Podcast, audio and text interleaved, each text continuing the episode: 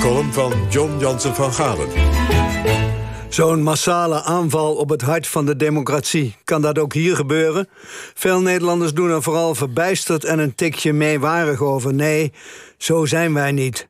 Oh nee, Drieënhalve eeuw geleden vielen onveranderlijk als opgehitst, woedend en dronken beschreven meuten het Haagse hart van de republiek aan, rammeide de toegang tot de gevangenpoort, stortte zich op de lijken van de gebroeders de Wit en voerde hun ingewanden aan de honden.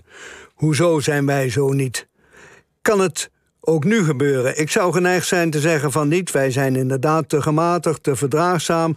Maar ik schrik toch als ik zie dat James Kennedy, Nederlander van Amerikaanse afkomst, hoogleraar geschiedenis, verstandig man, in de Volkskrant schrijft: Tot mijn schrik delen Trumps meute en ik onze vervreemding.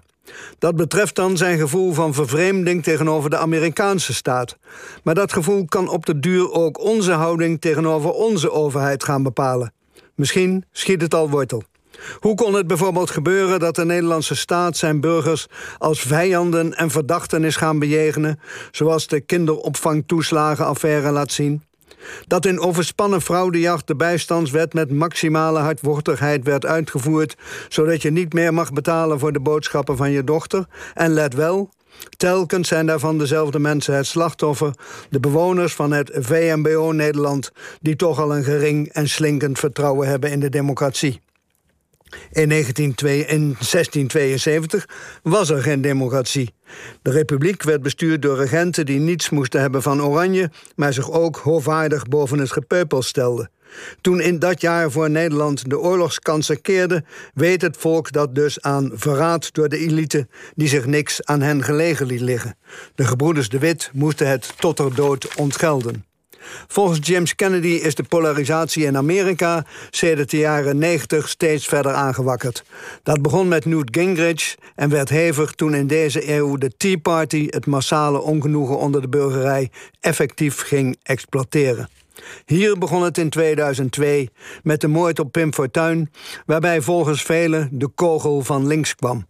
Den Haag werd het toneel van hevige rellen, het Binnenhof omsingeld, brand gesticht in de parkeergarage.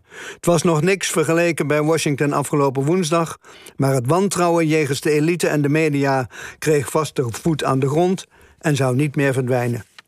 Het is ook hier dus uitkijken met het broze politieke bestel. Eén op de zes stemmers schaart zich achter populistische partijen... en we mogen ons in de handen knijpen dat Thierry Baudet zichzelf de das omdeed. Maar Geert Wilders blijft een vaste waarde voor liefst één op de zes kiezers... en de onvrede over coronamaatregelen ondergraaft het vertrouwen in het gevoerde beleid verder. Hoe dat vertrouwen terug te winnen en uitbarstingen als in Washington te voorkomen. Dat is om de dode dood niet gemakkelijk, want zoals u weet, vertrouwen komt te voet en gaat te paard. Maar na de kinderopvangtoeslagenaffaire moet de Nederlandse staat met zijn burgers niet minder dan een nieuw sociaal contract aangaan, gebaseerd op beginselen van recht en redelijkheid en de garantie dat de overheid haar belofte nakomt. Anders vrees ik dat ook Den Haag eerlang door een woedende menigte bestormd zal worden. Nou, fijne voorspelling zo in het begin van het jaar, John. Dank je wel. We zullen zien. We zullen zien. Goed.